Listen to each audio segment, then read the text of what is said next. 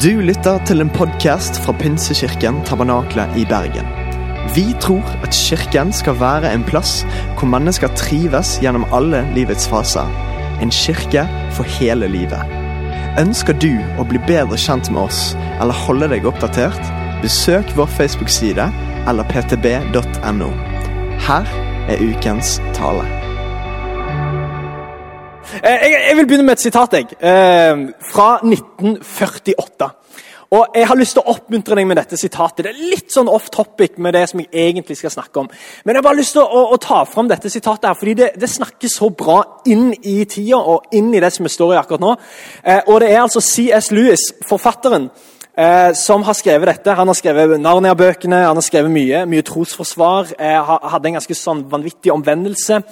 Eh, og han, han sier noe eh, som jeg syns passer så bra inn i vår tid. og det er klart De var jo ikke redde for eh, koronaen da, men de var redde for noe annet. De var veldig redde for atombomber. Eh, og Hør hva som eh, CS Lewis skriver i forhold til atombomber. Eh, det kommer på skjermen her, tror jeg til og med. Han sier på en måte så tenker vi altfor mye på atombomber. Hvordan skal vi leve i atombombens tidsalder?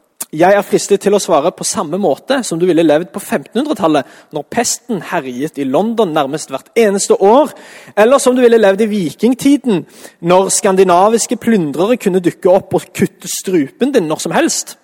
Eller som du allerede lever nå, i en tid av kreft, en tid av syfilis, en tid av frykt, en tid av luftangrep, en tid av togulykker og en tid av bilulykker. Sagt på en annen måte, la oss ikke overdrive situasjonen. Tro meg, kjære kvinner og menn. Du og alle du kjenner ble dømt til døden lenge før atombomben ble oppfunnet. Og en ganske stor prosent av oss kommer til å dø på uhyggelige måter. Det er helt latterlig å gå rundt og sutre med lange masker fordi forskere har gitt oss enda en sjanse for en smertefull og tidlig død i en verden som allerede er overfylt av slike sjanser, og hvor døden ikke engang er en sjanse, men en selvfølgelighet. Mitt første poeng er at vår første handling må være å ta oss sammen. Om vi alle kommer til å dø av en atombombe, ja, så la, i det minste, eh, så la i det minste bomben finne oss mens vi gjør fornuftige ting, som å be, lese, lære, jobbe, lytte til musikk, spille tennis, bade barna, snakke med vennene våre over en halvliter og en runde dart. Ikke krøllet sammen som livredde sauer som tenker på bomber. Den kan kanskje ødelegge kroppen, men den skal ikke dominere vårt sinn. Atombomber kan kanskje ødelegge kroppen, men skal ikke få lov til å dominere vårt sinn. Wow, For et sitat! Ganske langt sitat her. Men for et ord, og for vår tid. Eh, koronaen kan kanskje ødelegge kroppen vår, men hallo! Den skal ikke få lov til å dominere vårt sinn. Kanskje hadde du forventninger om 2021. liksom Da kommer forløsningen, da skal alt bli bra igjen. Og så hadde du forventninger om et koronafritt år. Eh, og så har du ikke fått det, men du har fått en ny lockdown, eh, og ting er igjen eh, liksom vanskelig, og du føler at du eh, springer rundt i en ørken. Eh, og det er en ganske Uten å være liksom pessimist, så er det kanskje en sånn halvveis god beskrivelse. i hvert fall, At vi lever i en slags sånn ørken. Kanskje så er det ikke sånn at du tenker eh, liksom, at det er så alvorlig, men, men hvis jeg skal være litt personlig, jeg syns dette er en ørken. Jeg syns det er ganske tørt, jeg syns det er ganske kjedelig, jeg syns det er ganske monotont. Jeg syns eh, hver dag er helt lik. Eh, og liksom, liksom sitter og bare venter på at noe nytt skal skje. Og venter på at ting skal komme tilbake til normalen. Så tror ikke jeg på da, at koronatid er meint til å være en sånn meningsløs ventetid der alle ser i veggen og, øh, og liksom bare tenker at uh, dette må bare ordne opp i seg sjøl og sitter og bare venter på at Gud skal gjøre noe. Jeg tror ikke på en meningsløs ventetid. Jeg tror på meningsfull forberedelsestid. Jeg tror ikke Gud noen gang i historien har initiert meningsløs ventetid. Men jeg tror alltid at han er eh, på gang med å gi oss muligheter for meningsfull forberedelsestid. Og vet du hva, Det er det som eh, det neste kvarteret her eller sånn, skal handle om. Eh, vi skal dukke ned i akkurat dette spørsmålet. Hva er det som skal få lov til å dominere vårt sinn i denne tida? Hvordan skal vi forholde oss til denne ørkenen? Eh, det er det som jeg vil eh, gå inn i. Eh, og Vi skal faktisk helt tilbake til andre Mosebok. Jeg har glemt Bibelen. Kan, kan du finne den? Martha, takk. Vi skal inn i andre Mosebok, og vi skal inn i på mange måter et antiklimaks av en historie. og jeg skal, Bare for å gi deg liksom, litt sånn kontekst først så er det som har skjedd, det at Gud har sagt til Abraham at han vil velsigne hele verden, alle nasjoner, gjennom Abraham sitt liv og Abrahams sin familie. Og De inngår en pakt der. Eh, og Det er begynnelsen på noe veldig spennende. Eh, og så ser vi at de første hva skal jeg si, tingene som skjer, er at han får noen barn, og han får noen barnebarn og han får noen oldebarn. Eh, og så er det altså denne, eh, den, eh, dette oldebarnet til Abraham som heter Josef, som eh, lever et ganske turbulent liv. Eh, men det som skjer som på slutten av hans karriere, det er at han eh, faktisk blir nestkommanderende da, i Egypt. Han får liksom eh, menge seg med farao der og får sykt mye makt. Eh, og det gjør at det som har blitt til israelsfolket nå, alle etterkommerne av Abraham de får egentlig lov til å leve ganske bra i Egypt. Eh, og får lov til, Det er nok mat der, de får lov til å praktisere troen sin der. Eh, og alt det som Gud lovte, eh, det, begynner liksom, eh, det begynner å ligne på noe. da. Men eh, så blir de værende der i ganske mange år, faktisk 400 år. og Etter hvert så har det kommet en ny farao som, som, ikke tenker eh, at dette var en god idé. Eh, og faktisk tenker han en skikkelig dårlig idé. At det skal leve et folkeslag som får lov til å gjøre hva de vil. Eh, og de var fruktbare. sant? Israelsfolket var fruktbare, de var dyktige. De, eh, de leverte, liksom. Eh, og, og, det var suksess rundt dem. Så farao tenkte dette er jo ikke bra, for de kan bli store og sterke og mektige. og liksom eh, slå ned hele dette eh, imperiet som jeg har bygd. Så farao sier nei, sånn skal det ikke være. Eh, Israelsfolket skal nå i slaveri. Eh, og eh, liksom på toppen av all ondskap her, så bestemmer òg farao seg for å ta livet av alle guttebarn. Og det er klart, Nå begynner det å liksom, liksom skli ut. da. Og Det er jo egentlig hele Gamle testamentet i et nøtteskall. Eh, Gud han har en god plan, og han sier hvis dere holder dere nær til meg, så holder jeg meg nær til dere. Israelsfolket sier tommel opp. Eh, vi blir med på det, og så blir de ikke med på det. Og så eh, liksom går det i Ja, det går opp og ned. Eh, og Her er vi definitivt kommet i en sånn dump, eh, der eh, folk lurer på hva skjer nå. Hva, hva gjør vi nå? Er, hvor kommer redningen? Hvor kommer frelsningen fra? Og det er her vi skal lese om Moses i andre Mosebok. Jeg glemte Bibelen min i dag, så jeg knabba denne fra kontoret. Jeg tror det er eh, Sandra sin. Veldig gode understrekninger her. Sandra. Flott. Du har skjønt det. Andre Mosebok, kapittel tre. Basically det som, det som skjer, det er at Moses møter Gud i en brennende busk.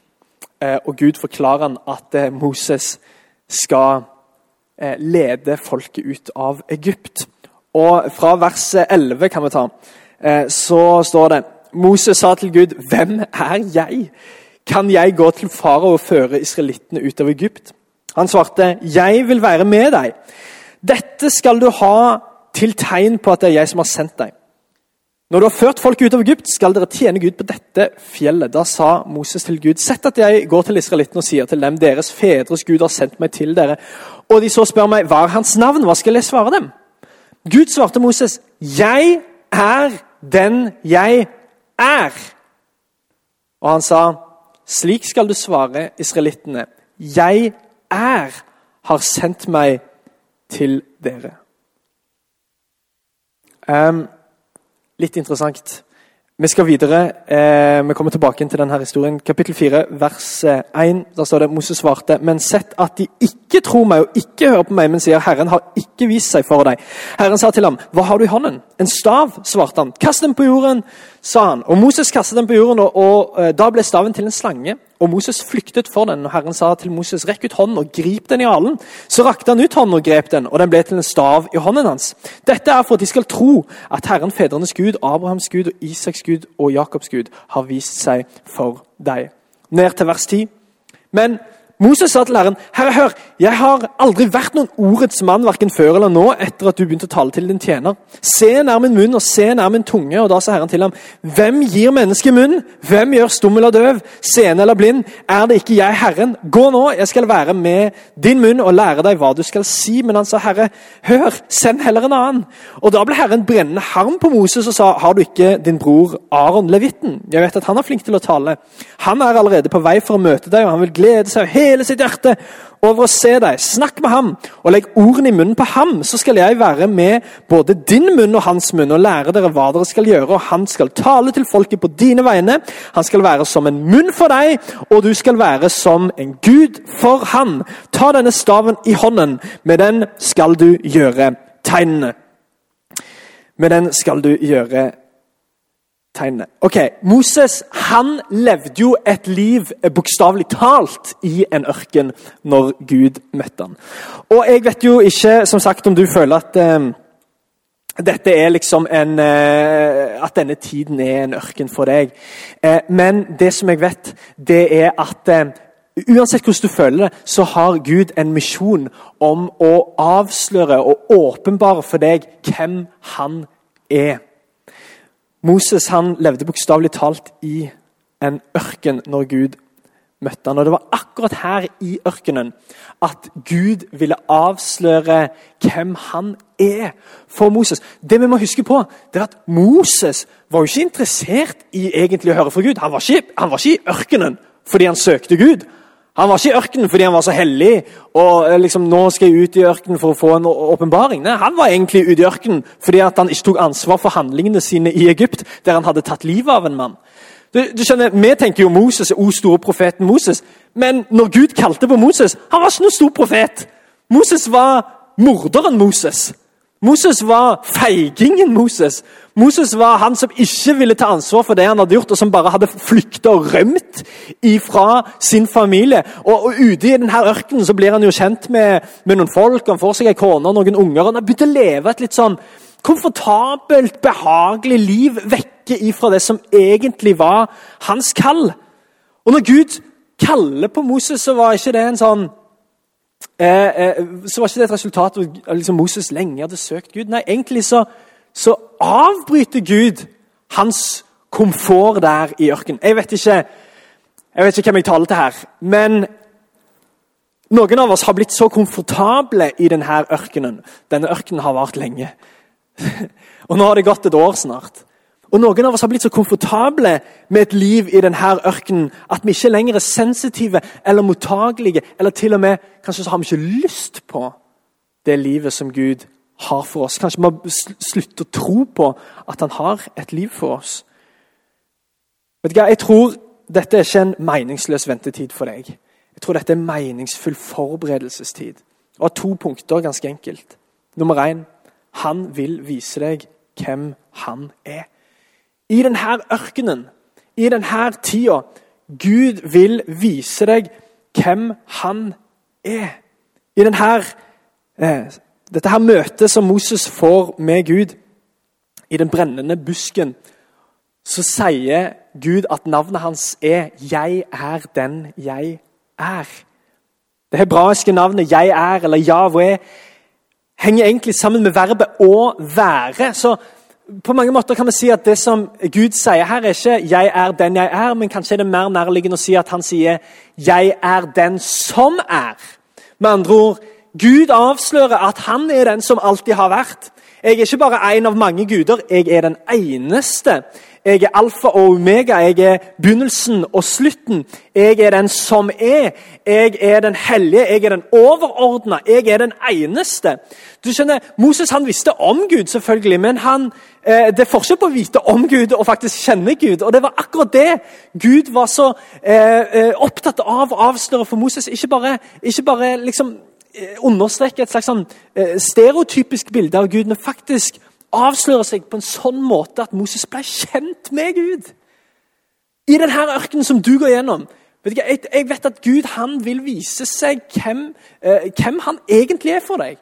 Gud vil vise hvem han egentlig, egentlig er. Han sier 'jeg er den jeg er'. Og du vet, Et par tusen år ned i gata så er det en annen fyr som går rundt og bruker det navnet om seg sjøl. Jeg er livets brød, jeg er verdens lys, jeg er oppstandelsen og livet. Vet du hva, I denne koronatida er min bønn for deg at du skal gå fra å bare vite om Gud, til å faktisk bli kjent med han gjennom et personlig møte med Jesus som forandrer deg for alltid. Moses han møtte Gud i ørkenen. Og han så hvem Gud egentlig, egentlig var. Så er det en ting til som skjer, og dette er mitt andre punkt. Det er at Han vil vise hvem du egentlig er. Ikke bare hvem han egentlig er, men hvem du egentlig er. Og, og, og min erfaring er at så ofte så, så, henger de to tingene sammen. Jo mer jeg skjønner hvem Gud er, jo mer innser jeg hvem jeg er. Jo mer jeg åpner opp Bibelen min, jo mer innser jeg at jeg er jo en del av historien. Jo mer jeg finner ut av hvem Gud er, jo mer avslører han òg hvem jeg alltid er meint til å være. Og Jeg elsker egentlig at det første spørsmålet faktisk det første spørsmålet som Moses får stilt til Gud etter Gud har gitt ham dette vanvittige kallet, og du skal lede mitt folk ut av Egypt osv. Det første spørsmålet eh, Moses stiller, er hvem er jeg? Hvem er jeg? Hvem er jeg som gjør at du tror at, at, at liksom jeg kan lede disse folka? Hvem er jeg? Og, og, og, jeg elsker Gud svarer jo ikke på spørsmålet engang. Han sier 'Jeg går med deg'. Det er svaret. Hvem er jeg? Jeg går med deg. Hvem er jeg? Ja, Det har ikke noe å si. Det som har noe å si, er hvem er det som går med deg? Det store spørsmålet er ikke 'hvem er du', men 'hvem går med deg'? Lovsangen kan bare begynne å gjøre seg klar her. Men jeg har lyst til å slå, frem, slå fast det her poenget. For Moses han mener jo at uh, Gud har valgt feil fyr. Han, han mener jo men, men jeg, vet du hvem jeg er? Og, og, og, Hver gang han kommer med en sånn unnskyldning, så kommer Gud med et svar som ikke henger sammen med hvem Moses er. Det er ikke sånn at Han gir han en tommel opp. 'Jo da, du er god nok som du er.' 'Jo da, du er så flink og flott.' Han gir han ingen tomler opp. Han, han bare peker tilbake på seg sjøl, på Guds karakter. Og så er det det som er svaret for Moses. Når Moses sier 'Hvem er jeg?', så sier Gud 'Jeg går med deg'. Når Moses sier ja, men jeg er dårlig med ord, så sier Gud ja, men jeg har ordene. Jeg skal gi deg ordene. Når Moses sier ja, men alt jeg har, er denne staven, så sier Gud perfekt. En stav kan vi bruke. Det, det er nesten et hån. Det, det, er nesten, det, er nesten, det er jo Poenget til Moses er For Gud spør hva har du i hendene. Og Da er det ikke sånn at Moses ser på staven sin. 'Å ja, jeg har den staven!' Det hadde jeg ikke tenkt på. Nå gir jo alt mening. Nå kan jeg lede for... Altså, han, han så på staven og brukte det som et poeng. Dette er jo mitt poeng, Gud! Dette er jo mitt poeng! Jeg har jo bare denne staven! Hvem tror du at jeg er? Jeg har jo bare denne staven, men Gud sier 'perfekt'! Vi kan bruke en stav. For spørsmålet er ikke hvem du er, spørsmålet er hvem går med deg? Og Det var det som var Moses' sin oppdagelse i ørkenen. At det handler ikke om hans utilstrekkelighet, men det handler om hvem Gud er. Gud er en perfekt Gud, at Gud er en Gud som har en plan. Gud er en Gud som ikke gir opp. Gud er en Gud som er den samme. Som ikke har tatt pause.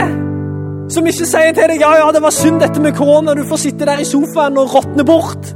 Men han sier 'jeg har en plan'. Og jeg går sammen med deg. Gud er ingen talentspeider, han er en villighetsspeider.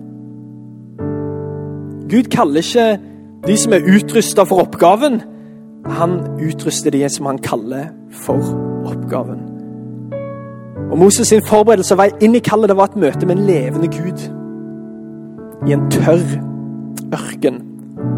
Og så var det sånn at Moses' sin lydighet det satte folk i frihet, og det leder de inn i det lova landet. Du skjønner, Jesus, han er selvsagt en ny og mye bedre Moses.